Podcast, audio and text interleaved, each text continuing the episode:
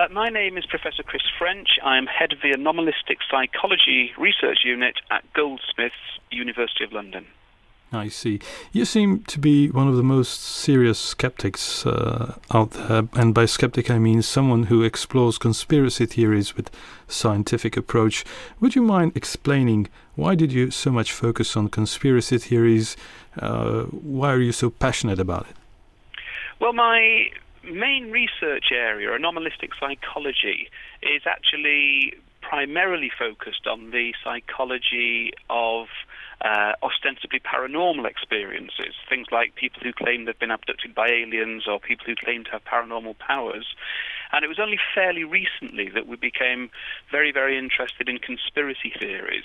Um, and that was for a number of reasons. One reason is that a lot of uh, belief in things like aliens and so on do actually involve belief in conspiracy theories.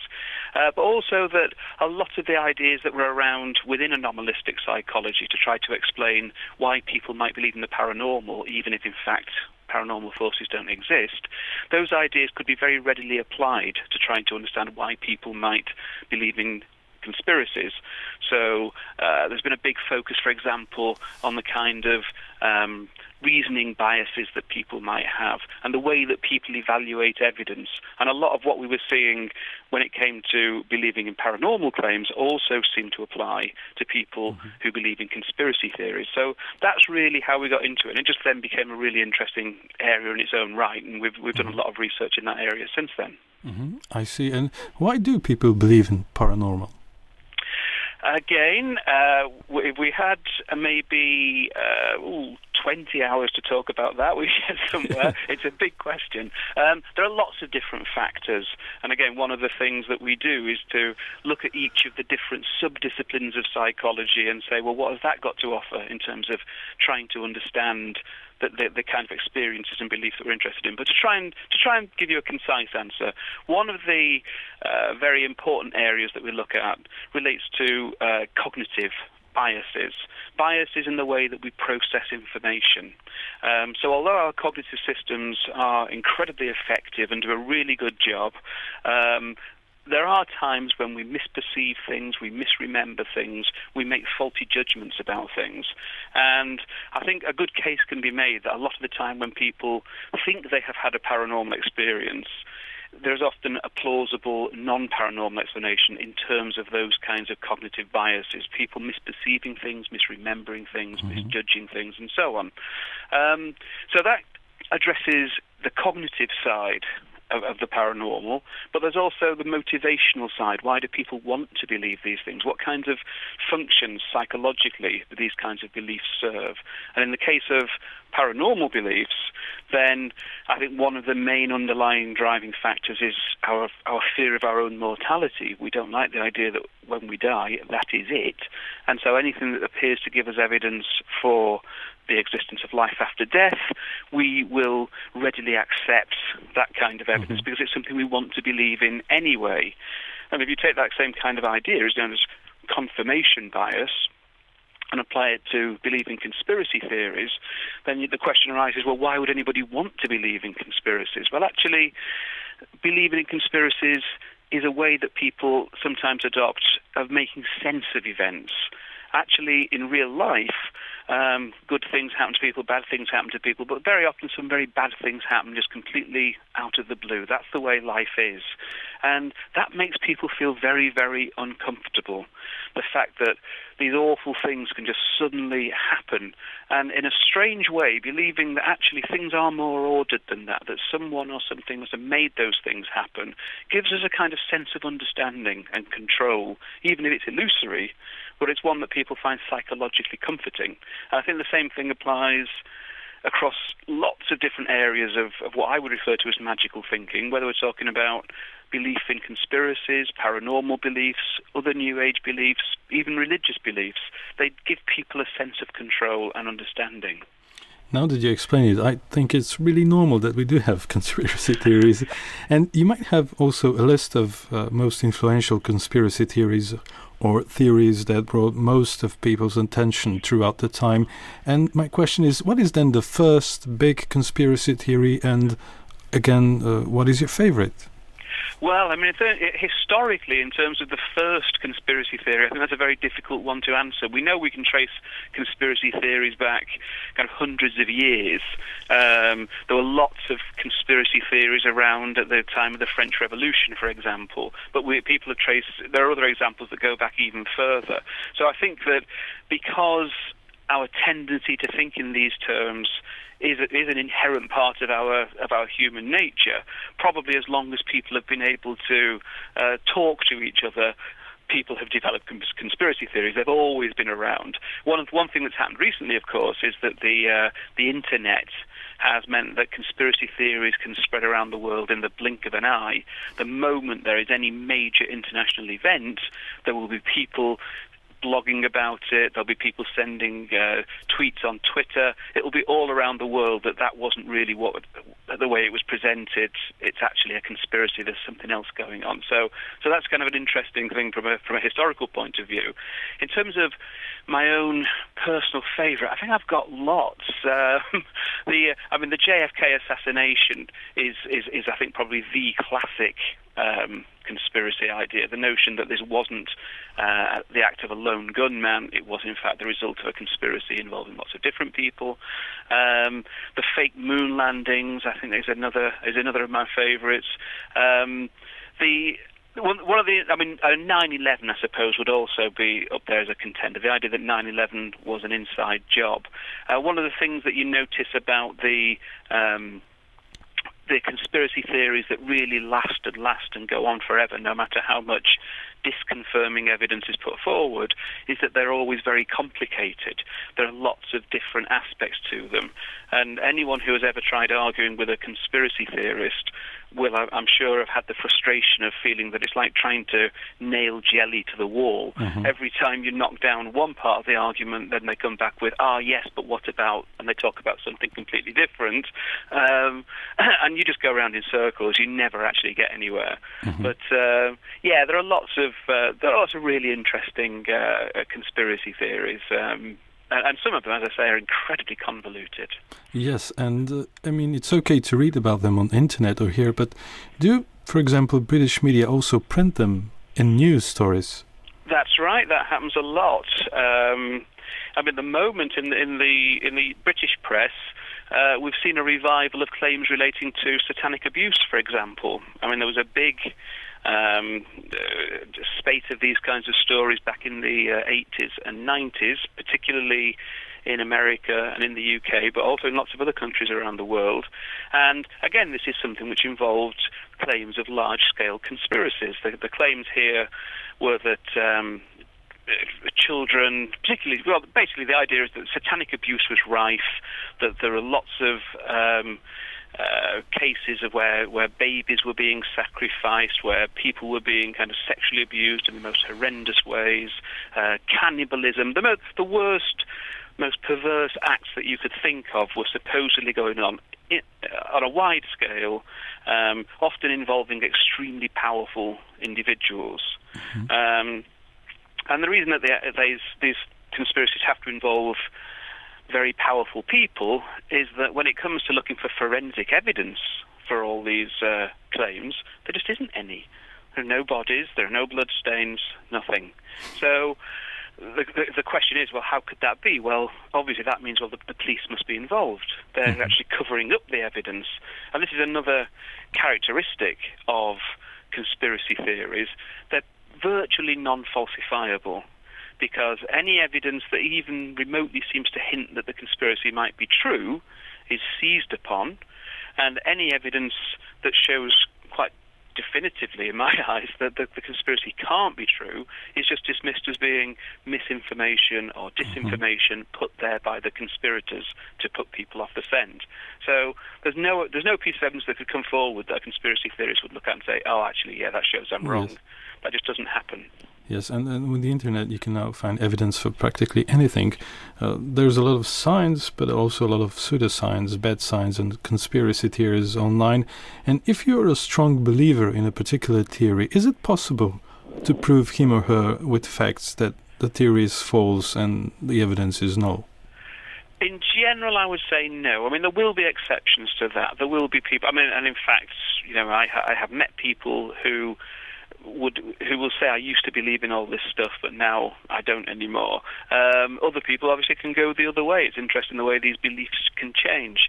Um, one one example that comes to mind of someone who was a very very um, strong believer in conspiracy theories, but then had a change of mind, is a, a chap in the UK called Charlie Veitch, who took part in a a documentary for the BBC.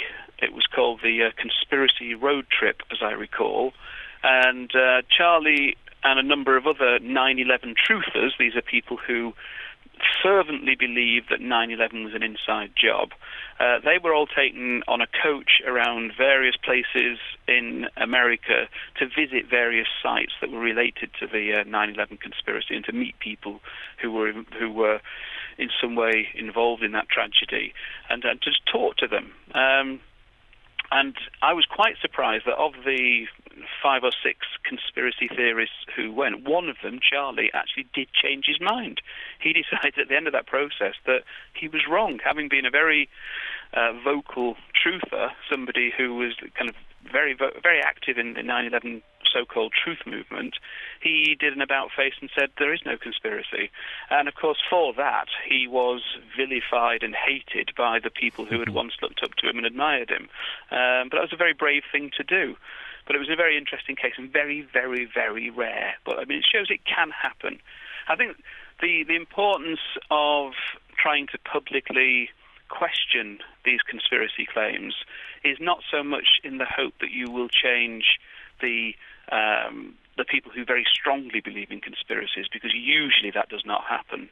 But there are lots of people in the middle ground, people who've maybe just heard rumours about um, 9/11 conspiracies or the idea that we didn't land on the moon or whatever else it may be, and they may be open to listen to the evidence and actually decide, you know what, I don't think there is a conspiracy. So we do need to keep talking about these things. Mm-hmm. Um, but of course, the other thing to say is that my own research and the research of, of other psychologists who are interested in uh, belief in conspiracies is it doesn't start from the position where we're saying there is no there are no conspiracies. We accept that conspiracies do occur. Obviously, they do. You can look at the Watergate. You can look at various other examples. Conspiracies do take place.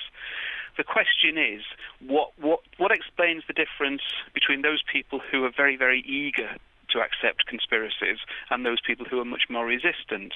Um, we can show, for example, in controlled studies that people will accept a completely fictional conspiracy, one that you and I could make up over a cup of coffee, and then we'd put it on a survey, we'd give it out to a number of people, and even though clearly there'll be no evidence for it because we've just made it up, um, there'll be some people who will tick the yes, I think that, I believe that, that's happening. Uh, also, people will endorse conspiracies that contradict each other. There's a very nice study by Karen Douglas and her team at the University of Kent, um, where it was shown that if you if, if you tend to believe, for example, that Osama bin Laden um, is still alive, you also are more likely to believe that, in fact, he was killed years before the Americans said that they killed him. So clearly, those two things contradict each other. But if you believe in one conspiracy, you are much more likely to believe in other conspiracies, even conspiracies that are totally unrelated to each other. And what this reflects is a, a higher order factor. What, what really conspiracy belief is all about It's not saying I, I, or very rarely is it saying that I know what the truth is and giving a detailed counter explanation compared to the official account. It's just saying, I don't believe the official account. Mm-hmm. Things are being covered up. We are not being told the full truth. That's what drives the whole thing. Now, I'm thinking I should make a, an experiment and think of something and test it on our audiences and see how they react to that. And you mentioned uh, the, the, hate of, uh, said Veitch was his name? Uh, Charlie Veitch. Charlie yeah. Veitch. Yeah. Uh, the people turn against him, the strong believers. What is the psychology within such a group? Is it the group think? There are definitely those kinds of factors. Um, I mean, certainly there's a lot of evidence to suggest that one of the reasons, one of the motivational reasons that people might endorse conspiracy theories is because they feel like outsiders, they don't feel part of mainstream society, they maybe feel that life hasn't treated them fairly. And if you are in that kind of position, then it's psychologically quite natural that you develop a kind of in-group and out-group mentality. Uh, that you, if you can identify other groups, out groups out there that you can project all of this distrust and hate onto, it's a kind of scapegoating approach, mm-hmm. whereby it's not my fault that I'm I don't have a fantastic life. It's because of those people. It's because of the Jews. It's because of the the, the, the CIA. It's because of the government. It's because of aliens. It's, it's because of somebody else. It's not my responsibility. It's other mm-hmm. forces out there. Um, and there is certainly evidence evidence to to support that line of argument. Um, and it can become it can obviously become a very, very destructive thing. I mean, there's been interesting research looking at the ways that extremist groups use, well, for certainly they believe in the conspiracy theories themselves, but they also use them as recruiting tools um, to keep, and also use them to keep people motivated and engaged and involved, and ultimately to carry out atrocious acts of, of terrorism. Mm-hmm. Uh, you said that conspiracies do happen, and so some theories would be false and some would be uh, correct. Are there any simple questions that can help me determine whether a theory is true or false? I think there are there are kind of warning signs um, rather than, I mean, in some cases it can be difficult. I mean, I mean, typically the kind of events that become the subject of conspiracy theories, they're often kind of major international events, and, and as they're actually unfolding, there may be lots of the kind of news media trying to report on them, and there will be inconsistencies in those reports. There will be things said that subsequently turn out not to have been true, but it was said at the time because that was the information that the reporter had, or that was what they thought was going on, etc., etc. Any tiny anomaly, the conspiracy theories will pick up on and say, "Ha, that shows that they're lying to us." Uh, and actually, it doesn't. It shows that you know we're not perfect. News reporters aren't perfect. Sometimes there's there's a noise in the system, but the kind of things to look out for in terms of trying to decide whether a particular claim is is true or not. Uh, one thing is is it inherently non-falsifiable? Is there is there just no evidence that could ever could ever falsify it? Um, I, I mentioned kind of satanic abuse as an example earlier.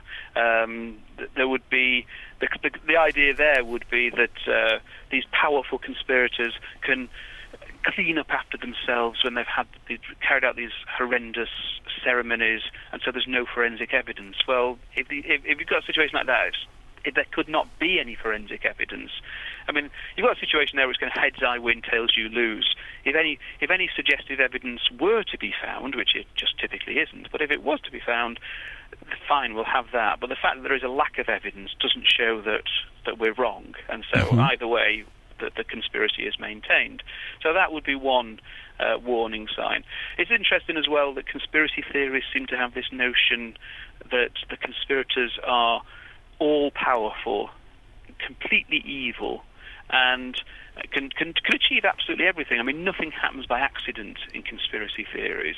I mean, if really there was a conspiracy to uh, try to assassinate uh, uh, Diana Princess of Wales, then would, would you really choose as a method of, of, of, assassination to get her driver a little bit drunk so that he would crash his car? It's not the it's not the most reliable technique to assassinate mm-hmm. someone, mm-hmm. um, and it's far more likely that actually what we saw there was a tragic accident. But um, look for those kind of logical inconsistencies and, and absurdities that, that can arise, um, and also yeah, does do the conspiracy theorists keep on kind of changing their claims as one cla- as one element of what they're arguing is answered? Do they just then turn to other elements and say, okay, you might be right about this, but what about this over here? That kind of thing. Um, I think the best antidote of all is just a general kind of education in critical thinking, and it really all it's saying is show me the evidence. If the evidence is conclusive and convincing, well, fine. And again, just going to go back to satanic abuse claims. Um, here in the UK, uh, as I said, there is a currently the very worrying situation where certain newspapers are beginning to repeat these claims of widespread satanic abuse, and supposedly this, this you know, the, the evidence for this if it's the same as last time round, and, and so far there's no there's no reason to believe it isn't, tends to be based on recovered memories. People who have been treated by dubious memory recovery techniques, and end up believing that they sincerely, sincerely believing they were the victims of abuse, but the only evidence is these recovered memories. There's no forensic evidence whatsoever. Now, in sharp contrast to that, there are some cases, a, a very worrying number of cases in the UK, of kids, typically from uh, African communities, who are the victims of ritual abuse. And this is being done by um, religious fundamentalists who believe that these children are possessed and the abuse that's taking place is an attempt to exorcise these demons. And there have been cases of, of kids who've been killed and certainly severely abused and injured. Um, but in these cases, we have lots of forensic evidence, including kind of unfortunately dead bodies. So, yes, it's definitely happening. We're not saying that atrocities cannot happen. But in one case, there's no need for a conspiracy theory. We know it's happening. We've got the forensic evidence.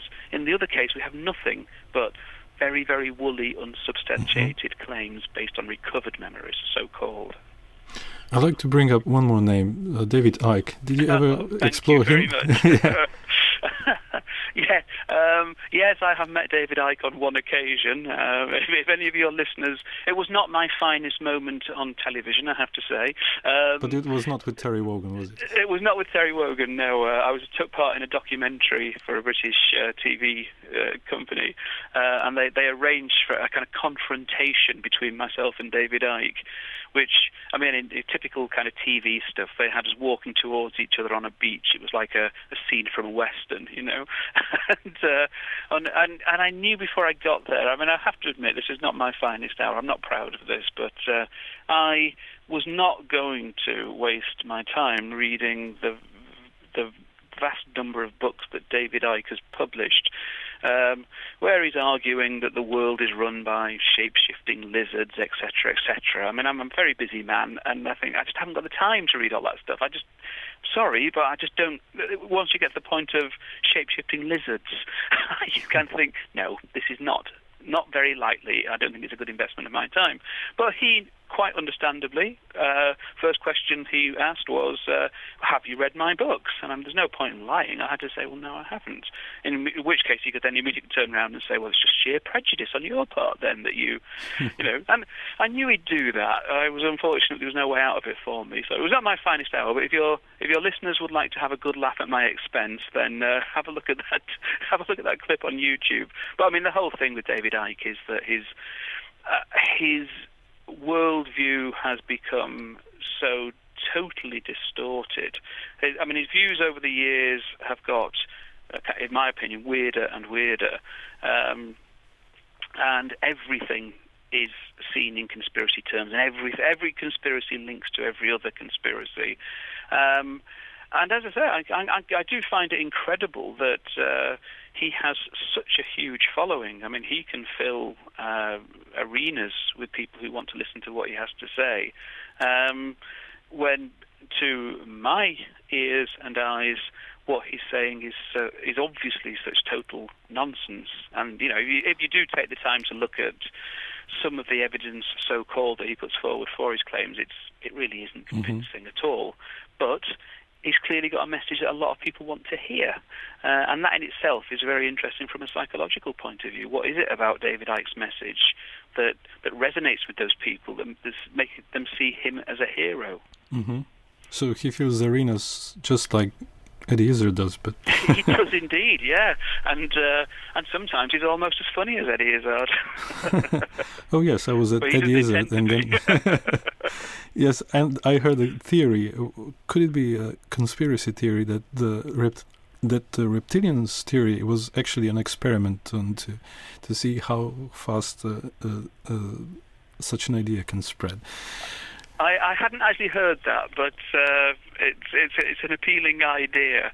Um, I mean, the, the, uh, there's a nice illustration of the way that these um, conspiracy theorists think, which uh, if we've got time, I will tell you. Please do. We we organised a one-day event in London with a number of speakers on, and the, the topic was belief in conspiracy theories, and. Um, we had someone who, in fact, it was David Aaronovitch, who was meant to be one of our speakers, but unfortunately had to pull out um, a week or two beforehand. And we'd also heard that on a number of conspiracy theory websites, our event was being discussed, and people thought that this was some kind of plot that was going on. So we thought we'd try and sort out the problem by inviting one of the conspiracy theorists to come and do a presentation as part of the day, which is what we did. It made for a very interesting day. Uh, afterwards, in the pub, we were we were chatting away, kind of skeptics and conspiracy theorists together over a pint, and um, one of my uh, postgraduates, Rob Brotherton, who uh, did his PhD on belief in conspiracy theories, is, and is currently writing a book, which I'm no doubt will be excellent.